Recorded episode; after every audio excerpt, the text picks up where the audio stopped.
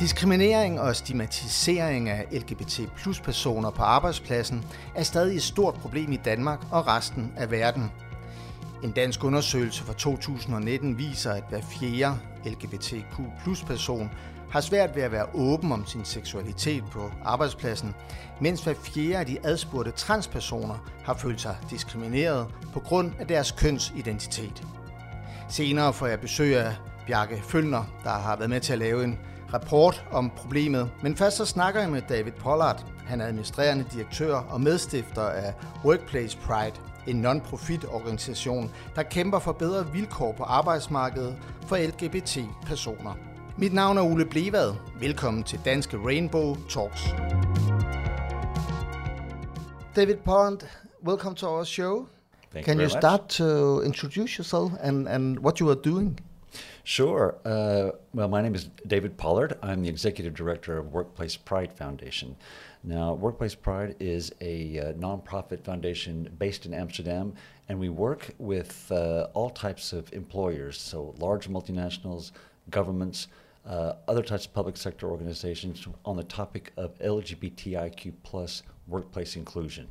Uh, we've been doing this for 15 years, and um, uh, really we're active all over the world with this activity. What do you do more precisely when you go out? What, what are you doing? Well, we help uh, organizations understand that it's really in their best interest, uh, as well as in the interest of the LGBTIQ plus community, to create workplaces where people can truly be themselves. And this is important uh, from a point of view of productivity for the employer, and of course, if these if these environments are created for uh, LGBTIQ plus employees, it's good for them as well, because they feel more part of an organization, and uh, they can truly be themselves. And uh, this this is not an easy thing, of course, because um, you you it's it's a question of changing corporate cultures. Uh, as opposed to just any law or something, it's uh, you have to change people's hearts and minds, and that takes time, and it takes a lot of effort. And so this is what we do. Yeah. Is a lot of discrimination? Um, you know, uh, if I can go into a little bit more detail about the legal situation uh, to answer that question. Um, of course, in most Western European countries, you know, there it's it's there is no legal grounds for discrimination uh, against LGBTI people, uh, but it does happen. It happens in a more subtle way. Uh, the promotion doesn't come through, or uh, people are not included in discussions or in teamwork uh, and things like this. And, and that makes it that much more difficult to really tackle because you can't say, okay, well, you're discriminating against me on a very on a legal basis. Now that's that's Western Europe and North America. Um, in in other parts of the world, even within the European Union, of course, it's uh, it becomes much more difficult. Discrimination becomes much more visible. It becomes much more painful, actually. And in some places uh, around the world, it's even much worse. Um, there are now 70 countries in the world where homosexuality is criminalized, and in five of those countries, it actually carries the death penalty. So, I mean, that goes far beyond discrimination, of course. And the thing is, uh, with the type of work that we do, since we're working with organizations that are active truly all over the world, they're active in all of these countries. And so that's where the real challenge comes in. You know, if you're a big multinational active in 100 countries and yet you have a diversity and inclusion workplace policy, that in principle it works for everybody around the world. How do you deal with this? You know, when you have really a, a, a, jurisdiction where it's really very difficult for whatever reason or culturally difficult, how do you do it? And this is where we come in. So we work with uh, not just with individual organizations, but we bring organizations together and people together. And when I say people, I really do mean people from my own community, LGBTIQ plus people from around the world. And this is really the only way that you can change things, mm. uh, change, uh, as I said, the hearts and minds, and, and change the culture to tackle the questions of discrimination. Do you have some examples? Well, yeah, uh, you know, again, the places. Uh, well, I'll be very frank. The place, what we're seeing right now in Poland and Hungary, you know, on a governmental level, and of course, this is going to have a direct impact uh, on the workplace. People, LGBTI people, are much more hesitant to be out at work because of government policies. And this is a different form of discrimination, of course, than what you see just on a personal level within the workplace. Uh, in fact, it's much worse, in my opinion, because it's government sanctioned discrimination, if you will. So these types of things come in all different variations, from, as I said, the very worst to very good situations. For example, here in, in Denmark and in um, in the Netherlands, where I'm based, you know, it's in principle, you know, anybody can be openly gay here, LGBTQI plus, with no problems. However, there are still always very subtle ways where people are not included, and uh, it's it, we're we're all on a journey to help understand how we can create workplaces where people can truly be themselves, uh, and that takes time. And uh, yeah, like I said, it, it, does happen even in the Netherlands. You still have gay bashing. I, am not so sure about here in De- Denmark, to it's be honest. The same. Is it? Yeah, doesn't surprise me.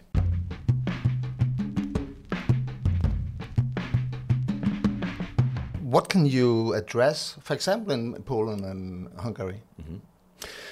Well, um, the way we go about this, uh, because if, if, you step back a moment and look at how business works, you know, it's of course they're profit-making organizations, so we have to try to put ourselves in their shoes and help help them understand what they can do. So recently, actually in May, Workplace Pride uh, had a conference, and we worked together with the Dutch Ministry of Foreign Affairs, a number of large multinationals uh, and specifically, I want to mention here other civil society organizations, local civil society organizations who understand the the true landscape of what's happening right there.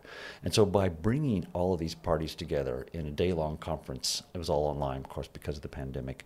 Uh, by by doing this, we raised awareness and raised awareness specifically for corporates who who now understand that they can support LGBTI inclusion. It's not against the law in Hungary to do this.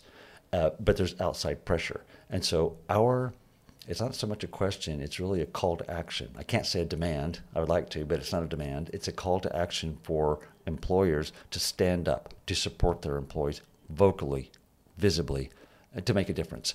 Because corporations are very, very powerful around the world, sometimes more powerful even than governments. And we've seen a lot of them step up. And when they do this, it actually can have a positive influence on legislation in different places around the world. So that's what we do in a nutshell. We, we try to help corporations and all types of employers. We push them in a way and say, these are the tools. These, this is how you can actually be a better employer when it comes to people from my community. But how do, for example, the government in Hungary look at you when you come? I don't even know if they noticed this, to be honest, but it's, uh, I'm sure they see it as a bit of a threat. Uh, what you will often see in a lot of uh, countries where, uh, you know, where homosexuality is, is marginalized or, or, put down in one form or another, is that they say this is some type of a Western construct. It doesn't belong to our culture. Our culture is, is very religious or whatever.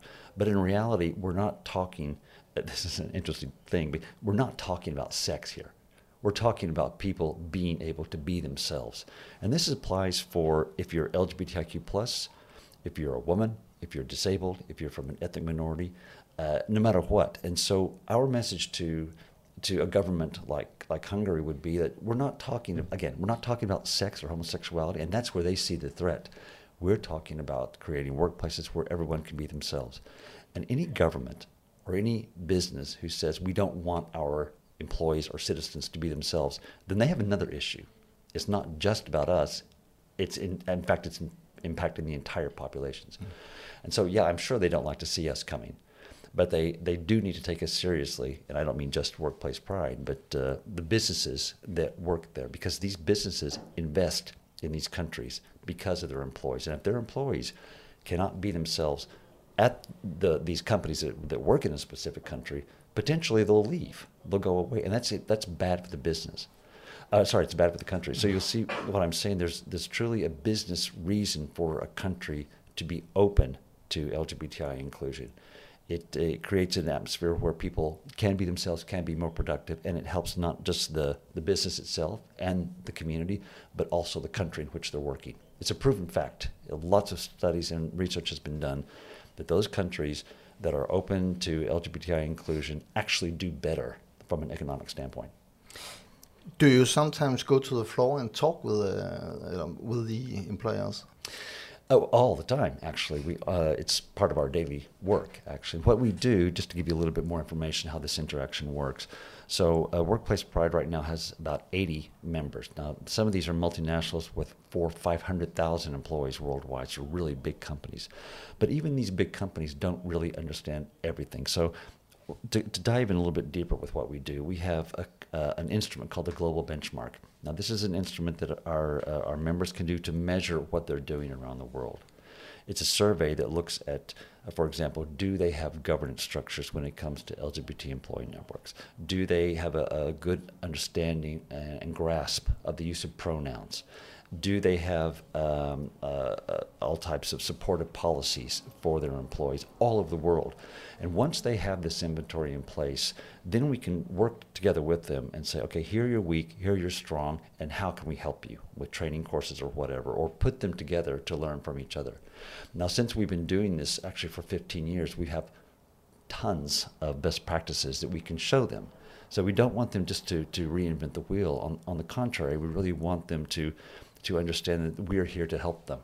And again, I just have to say, we don't do what we do for businesses. We do what we do for the LGBTI community, but we all benefit in this sense. Do you think, or can you see after 15 years that, that it helped? Absolutely. Uh, when we first started, it's a little bit of an anecdote. Um, marriage equality was passed in the Netherlands in 2001. You know, so same-sex marriage, basically. Uh, and we had, uh, I used to work in the financial industry, so I'm kind of a former banker. I don't say it too loud, but on the podcast now, now everyone knows. but I used to work in that industry, so I know how they think. And so we, we started um, an employee network about LGBT inclusion. This is, again, after the legal situation was already good in the country because we, and I'm talking about the LGBTI community in that organization, we knew that it wasn't right. We knew that there was still discrimination going on, and so we had to, to change something. So uh, by, by doing that, uh, and that again, this was in 2003 that we started. So since that period, I have seen a real regular, slow but regular improvement uh, on the way that uh, uh, employers understand the topic of LGBTI inclusion, not just in the Netherlands, but now in most of Europe, and it's spreading around the world, luckily. Uh, and you've seen more and more legislation changing as well. So what normally happens is that uh, legislation will change because of the very good work of LGBTI activists from a legal standpoint. And then slowly corporations begin to understand, okay, well, we need to take this into account because, you know, people uh, who, who work at our organization, you know, they bring their entire selves to work. And, and that, that it's important for them to understand that. So it has begun to change. But it's important to, to note that in the past two years or so, because of Black Lives Matter, because of the Me Too movement, because of the global pandemic, things have really shot up. And it's because of the social awareness that uh, I think everybody in the world has understood that things are not like they used to be. You know, we're so globally interconnected that I've seen a, a huge um, uh, increase in the awareness of LGBTI inclusion. As a matter of fact, I mentioned that we had 80 members, uh, big companies. 20 of those have come in this year alone. Mm-hmm. So to me, that's a great sign that uh, not just you know that we're growing as an organization, but that these organizations are truly taking it seriously, and uh, they know that they have to, because it's no longer a luxury to have diversity inclusion or LGBTI inclusion. It's really a necessity, because if they don't have it, younger people won't work there. In fact, it, it be, having a, a, a place where you can truly be yourself is more important for these younger people than money, which is bizarre for my generation to hear, but it's true.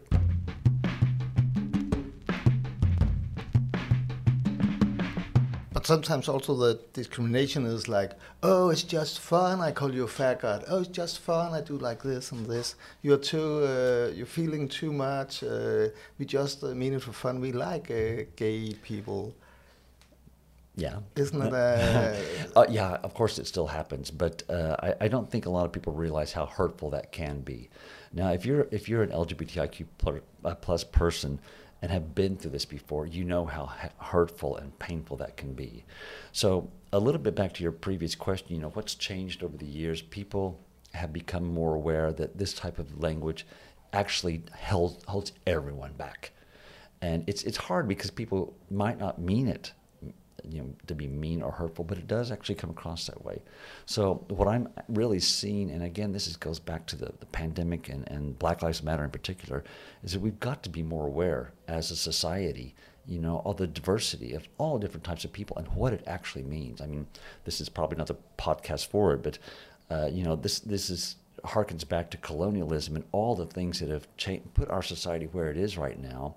It's, a, it's at a, a, changing point, and we need to be aware. And young people who say, yeah, fag or queer or whatever, uh, you know, they just need to realize that uh, that's really no longer cool. But there's still a lot of work to do, or what? Of course, there is. I mean, um, I get this question often, you know, uh, when will all this be finished uh, and uh, the laws are in place? Uh, my own feeling is it won't be finished in my lifetime. And I don't mean that as a negative thing, it's, just, it's a progression. Um, I, again, since, since marriage equality was passed in the Netherlands in 2001, there are now, I believe, more than 30 countries in the world. So it does take time and it does, you know, there is good progress uh, happening. It just takes time because a, a changing a law is hard enough, but changing people's hearts and mind is really something that takes almost a generation. Uh, and, but it is happening, you know. And unfortunately, there are uh, you know countries and, and legislation uh, around the world, uh, like in Hungary and Poland, but also in a lot of the Middle Eastern countries and other places where it's very very difficult and even getting worse. So I think we have to uh, be aware as a community that uh, we have to continue to work on it. I, I hope that younger generations will pick up this fight because it's the fight of our lives. You know, I often say to people that no one's going to do this work for us in our community. We have to do it ourselves. And uh, that's really the only way that we're going to make progress, and it's going to take a while. David Pollard, thank you very much for being here. Sure, my pleasure. Thank you.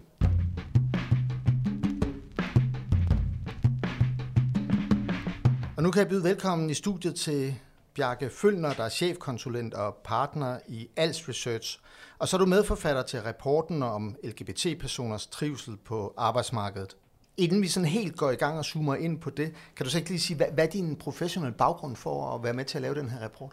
Jeg har læst øh, historie og minoritetsstudier oprindeligt på universitetet, og så har jeg arbejdet i Als Research øh, siden øh, 2013. Og vi er en virksomhed, der arbejder med udsatte grupper. Vi har arbejdet meget med altså øh, kønsforestillinger og kønsroller også i forskellige øh, projekter meget på integrationsområdet. Og øh, i 2015, øh, der blev vi så bedt om at lave en undersøgelse, der handlede om minoritetsetniske LGBT-personer og deres levevilkår øh, i Danmark. Så det var sådan set, øh, hvad kan man sige, min, min vej ind til at blive klogere på, på LGBT-området. Og, øh, og siden da, der har vi så lavet en del undersøgelser øh, yderligere om, om LGBT-plusser øh, i Danmark. Øh, ja, også på tværs af etnisk baggrund. Hvis du sådan lige skal komme med de vigtigste nedslagspunkter i, i rapporten, hvad viser de så? Ja, vores rapport om, øh, om, om trivsel på arbejdsmarkedet, den viser øh, generelt, kan man sige, et positivt billede. Altså øh, et flertal af LGBT-personer i Danmark, de trives på deres arbejdsplads, de oplever har ikke oplevet diskrimination på deres nuværende arbejdsplads. De oplever, at de kan være åbne osv. Så, så sådan helt overordnet, så er der jo tale om et positivt billede. Det kan vi også se, hvis vi ser på tallene for Europa. Det bekræfter andre undersøgelser også. Der ligger Danmark i bestemt i den, i den pæne ende. Øh, men så er der altså også nogle, nogle mænder, øh, og nogle af dem er også nogle, nogle store mænder, kan man sige. ikke. Øh, der er et mindretal af LGBT-personer i, i Danmark, 8-9-10 procent, lidt forskellige på de forskellige parametre, som bestemt ikke trives på arbejdsmarkedet, som har oplevet diskrimination på deres øh, nuværende arbejdsplads, øh, som ikke oplever, at de kan være helt øh, åbne øh, omkring, eller åbne over for alle på deres, øh, på deres arbejdsplads. Og der ser vi også, at der er stor intern forskel. Det gælder særligt i forhold til, til transpersoner, som helt bestemt udgør en meget øh, udsat gruppe på, på arbejdsmarkedet i Danmark. Var det nogle resultater, der kom bag på dig? Altså det, desværre, desværre ikke. Der var nogle, øh, nogle andre undersøgelser, der havde peget i samme retning, inden vi lavede vores undersøgelse, men vi fik med, med undersøgelsen her om et større datagrundlag og, og altså nuanceret mange af de øh, kan man sige, forhold, der var indikationer på øh, i forvejen, og så overraskede man nok lidt negativt i hvert fald, at, at øh, billedet så så slemt ud øh, for, for transpersoner. Hvad var baggrunden for sådan helt at gå ind og, og at man overhovedet ville lave den her rapport? Hvem, hvad, hvad for nogle advarselssignaler havde blinket?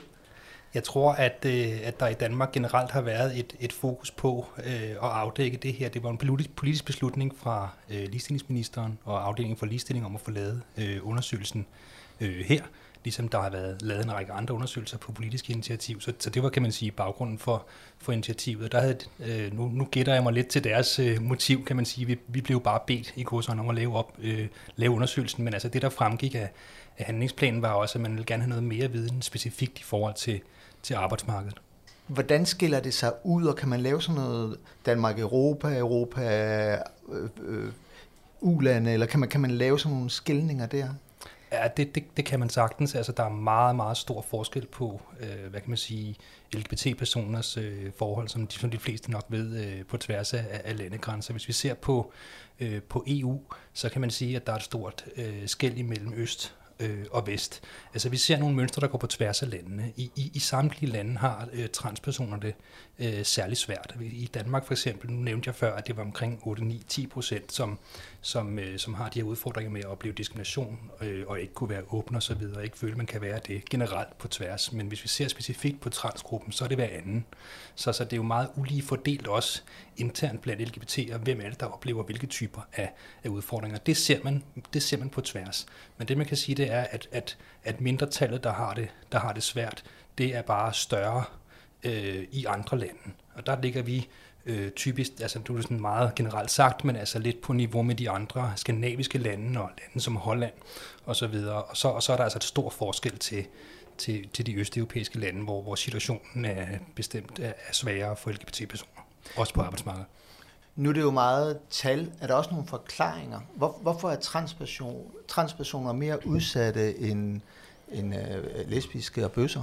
Ja, det, det, er et rigtig godt, øh, det er et rigtig godt spørgsmål, og jeg tror ikke, at vores rapport øh, i sig selv kan, kan sige noget om det. Altså, vi, vi prøvede at lave nogle forskellige typer analyser på, hvad, hvad, er, det, hvad er det for nogle sammenhænge, øh, vi ser generelt. Og noget af det, vi kunne se, det var, at øh, det var faktisk, og det overrasker mig faktisk måske også en lille smule, det var ikke så meget, hvad for en type af branche du arbejdede i som LGBT-person, der havde betydning for din risiko for at opleve diskrimination, for eksempel.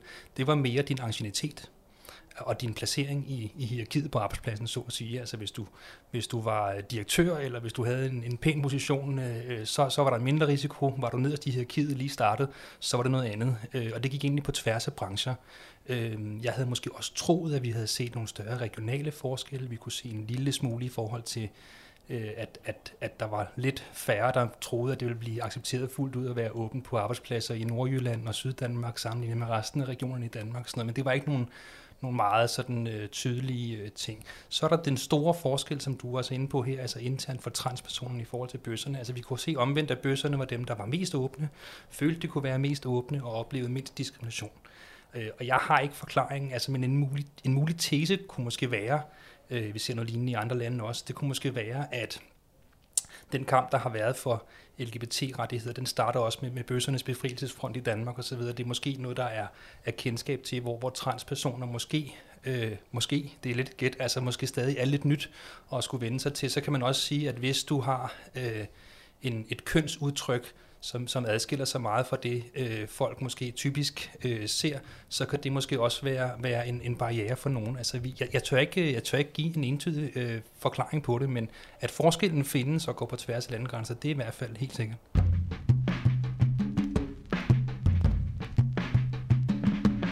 Det man kan sige, der også øh, kendetegner det danske arbejdsmarked i hvert fald, det er jo, at der er relativt mange små og mellemstore virksomheder. På det private arbejdsmarked der er det cirka øh, to ud af tre øh, og det gælder også på, på arbejdsstyrkeniveau, at der er flest, der arbejder i små og mellemstore virksomheder. Og der kan man sige, der er der måske stadigvæk, der er måske stadigvæk noget at gøre, fordi øh, hvis du er en lille virksomhed, så skal der mere til at have en stor øh, inklus, øh, inkluderingspolitik og udpege en human resource manager og sådan noget. Det er måske ikke det, man, man tænker på først, så måske skal der nogle andre tiltag til af lidt mere øh, simpel karakter, øh, kunne man forestille sig til, til at gøre noget ved det, ved det, ved det der. Ikke? Så, så øh, så det, det er måske en af de steder, hvor man, hvor man stadigvæk, vi kunne se for eksempel i undersøgelsen, at det var kun 6% af, af virksomheden, der havde øh, en personalepolitik, der inkluderede specifikt noget omkring, hvordan man vil inkludere LGBT-personer. Så, så der, er der, der er der et stykke hjem, kan man, kan man sige, ikke? Øh, i hvert fald. Bjarke, når man hører om, hvordan folk så føler sig diskrimineret, hvad, hvad hører du så oftest? Ja, der bliver givet en del forskellige øh, eksempler på det øh, i rapporten, og noget af det, der går igen, det er sådan en, øh, en generel negativ øh, attitude, der bliver øh, fornemmet hos kollegaerne for eksempel, altså den måde, de snakker om det. Det kan jo så også være nogle af de LGBT-personer, der ikke nødvendigvis er åbne, men som tænker, åh, oh, det må jeg hellere overveje, om jeg skal være, for jeg kan fornemme her, at der er nogle nogle udsagn eller nogle, nogle kommentarer omkring det, som, øh, som, som er negative. Og så kan det også være direkte, altså mere direkte negative kommentarer til de øh, LGBT-personer, som, øh, som er åbne.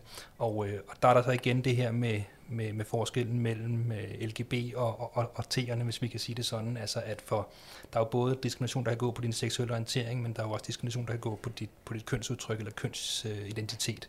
Og der kan vi se, at, øh, at T'erne de oplever det jo altså meget øh, i forhold til deres kønsidentitet og kønsudtryk, men jo også i forhold til seksuel orientering, så der er også en form for, for, for, for, for dobbeltting der. Jamen, hvad er din seksuelle orientering egentlig, hvis du er sådan og sådan? Altså den type af af sådan, øh, ja, diskrimination i relation til, til det øh, også. Øh, så er der også nogen, der øh, nævner altså andre typer selvfølgelig af, af eksempler på, øh, på, på, på diskrimination, men det her det er nogle af de sådan brede. Der er nogen, der også sådan, du ved, næsten føler sig overomfavnet, altså der næsten sådan bliver fokuseret for meget på, på at, at de, de har en anden seksuel orientering end kollegaerne og sådan noget. Så det kan have mange forskellige typer af, af udtryk, men det her med en, med en generel negativ attitude, der fornemmes øh, eller kommer direkte til udtryk i kommentarer, det er nok det noget af det, der går, går mest igen.